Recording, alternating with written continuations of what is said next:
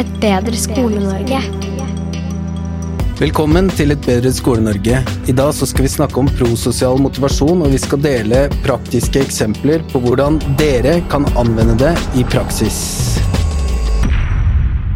Velkommen hit, Are. Koselig å ha deg med på showet i dag òg, da. Jo, takk for det, Evin. Ja, ja. Eh, I dag skal vi snakke om prososial motivasjon, og det er jo det jeg ofte har hørt eh, om motivasjon, er jo at enten så er man indre motivert eh, og har så innmari lyst til å gjøre noe, fordi ja, det har en eller annen egenverdi, eller så er det ytre motivasjon, hvor man typ gjør et eller annet fordi man tjener penger eller får en bonus eller et eller annet sånt. Eh, praktisk eksempel er jo indre motivasjon. Da lager jeg rappmusikk, i hvert fall da jeg var yngre. Ytre motivasjon, da får jeg penger for å vaske gulvet hjemme. Eller eh, belønne meg sjæl med en sjokolade etter jeg har eh, rydda ut av oppvaskmaskin. Man kan ikke gjøre det i hverdagen hele tida, men det er eksemplene. Men nå er vi inne på en tredje form, da, som er prososial motivasjon. Og det er visstnok en undervurdert drivkraft for mange. Altså det, det handler jo om at man ønsker å bidra utover med noe nyttig og verdifullt for andre, både for elever og kollegaer. Da er jo en som har skrevet eh, en del om det her, det er en amerikaner som heter Adam Grant, som er eh, altså Følg den på Twitter eller noe, vil jeg anbefale alle lyttere. Så er det også en uh, dame fra BI som jeg tror hun er professor, hun heter Linda Lai. Hun har skrevet en helt fenomenal artikkel om det som oppsummerer det meste. Så den anbefaler jeg alle å google hvis dere ønsker å finne ut mer. Um, ja. Kort fortalt så handler jo prososial motivasjon om eh, å bidra utover. Eh, vise takknemlighet, bygge en kultur for å hjelpe andre. Og det handler om å oppleve mening, egentlig, og bidra til noe større enn seg sjæl. Vi hørte jo om det her for en tid tilbake, og flørta litt med denne formen, vil jeg si, i fjor vår særlig. Da holdt vi på å innføre ny vurderingspraksis, og da var det jo viktig for oss å holde motivasjonen oppe underveis. Og da var det sånn at vi ønska å ta store sjanser, og at lærere på skolen vår skulle ta så store sjanser som mulig for å skape gode løsninger til karakterdempa vurderingspraksis. Og for, for, at de ikke skulle miste motet etter hvert, så var i hvert fall en av tankene at vi skulle dele historier om hva som hadde gått bra. Og det kalte vi etter hvert for ukas hendelse, som var sånn et, et punkt på møtet. Uten at det ble altfor mekanisk, så var det sånn at uh, vi delte et eller annet som hadde gått bra. Og det kunne f.eks. vært noen som hadde testa en sånn det vi kaller strukturert fagsamtale, eller observasjon, eller læringslogg. Men det var veldig viktig at uh, det som han, Adam Grant har sagt, er at det de hjelper ingenting hvis lederen sier det. Det må være de som faktisk har opplevd det, da. Og så snakka vi jo litt om det her, at kanskje det har vært kult Altså, koronatida var jo veldig spesiell.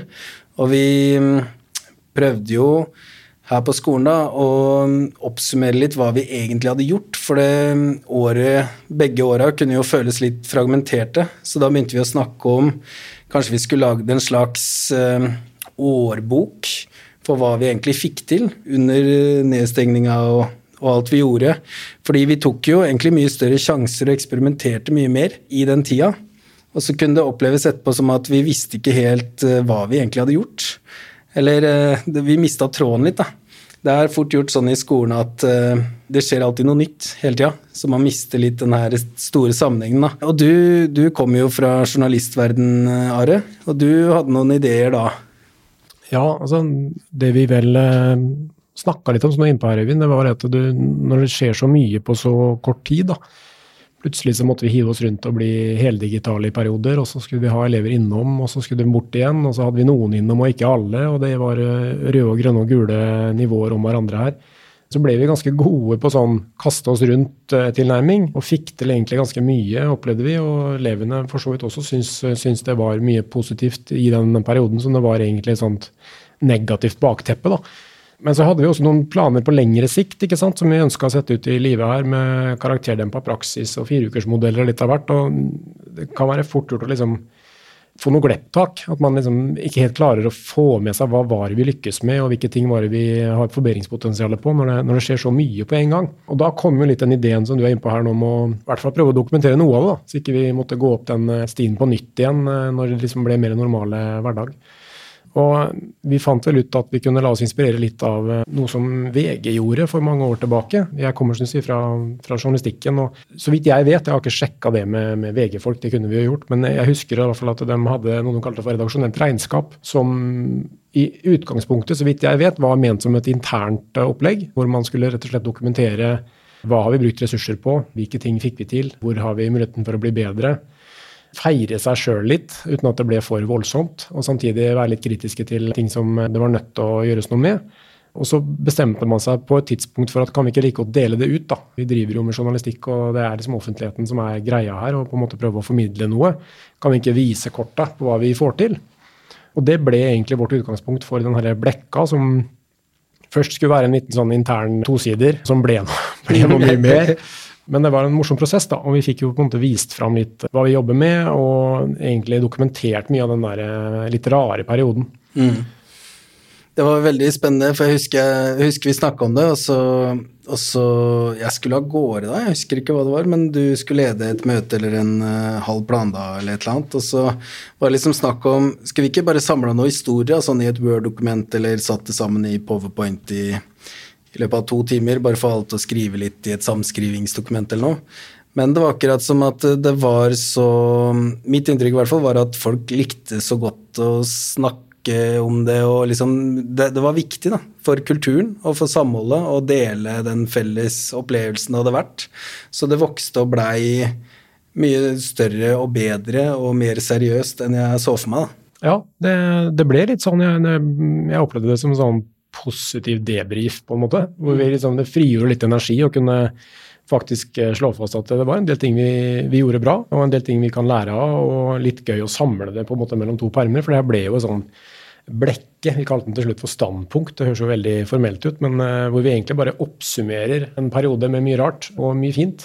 Med tekst og bilder og litt grafer og sånn der det måtte til. Men det handla jo alt hovedsak om å dokumentere hvordan denne her prosessen hadde vært for oss. Da. Og ikke minst dele det med både elever og ansatte og foreldre. Mm.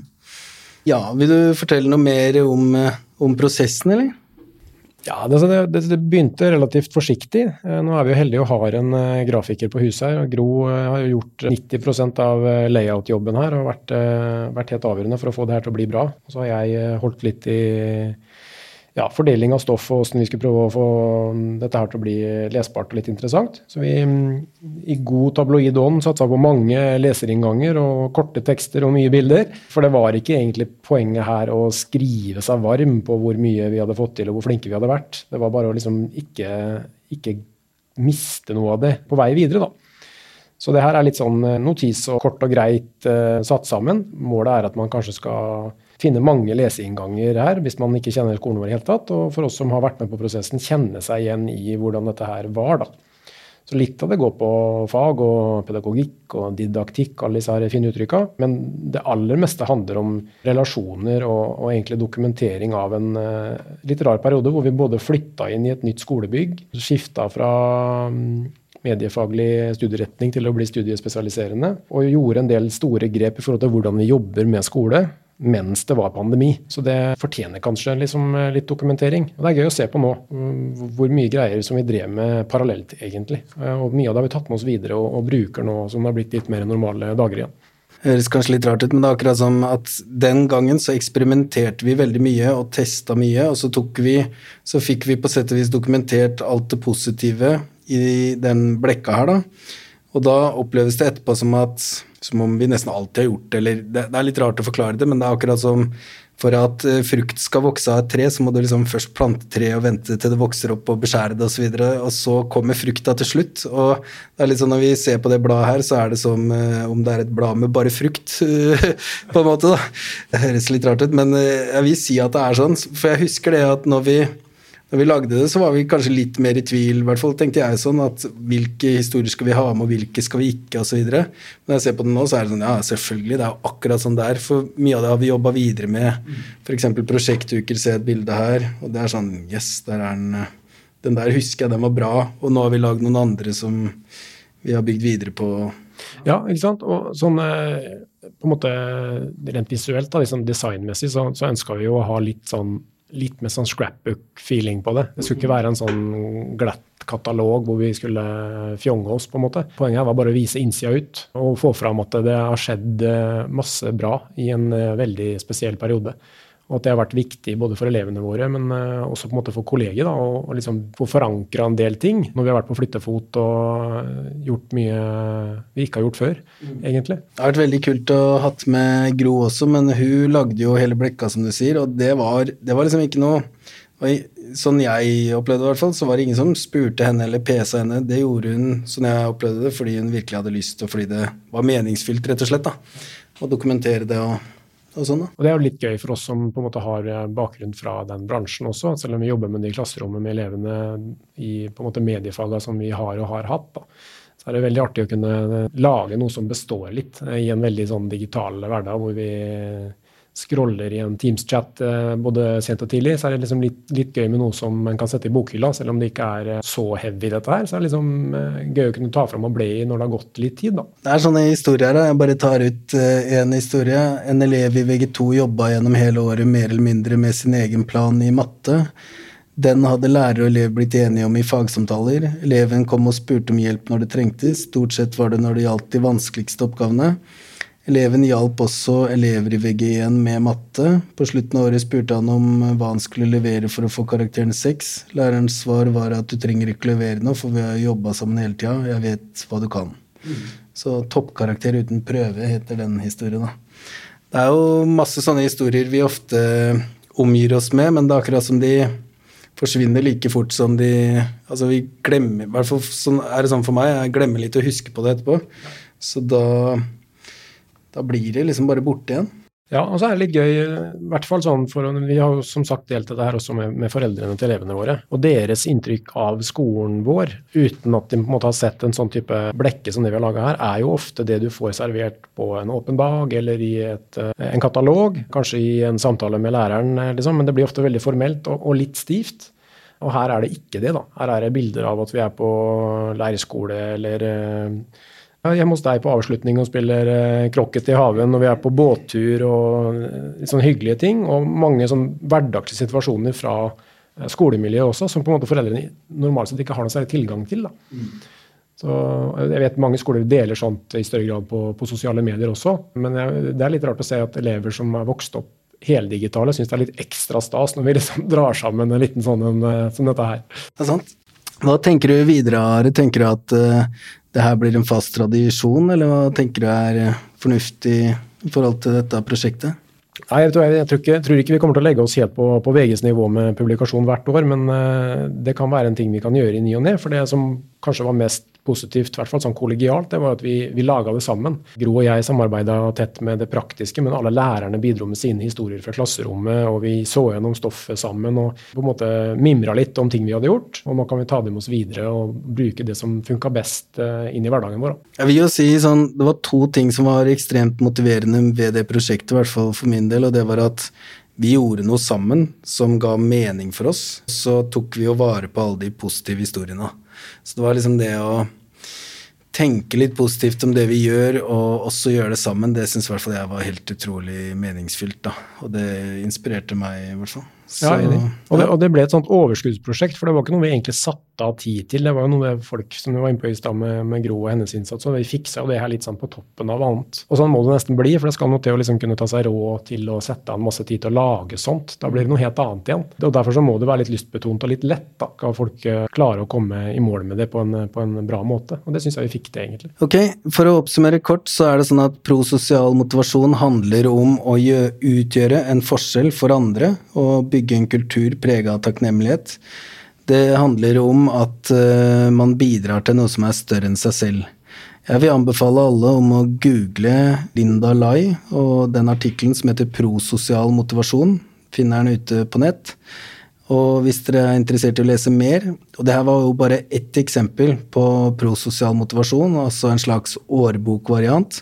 Man kan lage mye mindre varianter, altså ukesbrev, eller man kan snakke litt om positive ting på hvert møte. Jeg har hørt noen som har noe de kaller for det gylne øyeblikket, som eh, et eller annet som har skjedd i løpet av siste uka, positivt i undervisninga, osv., osv. Så, så det er noe man kan velge å ta i bruk.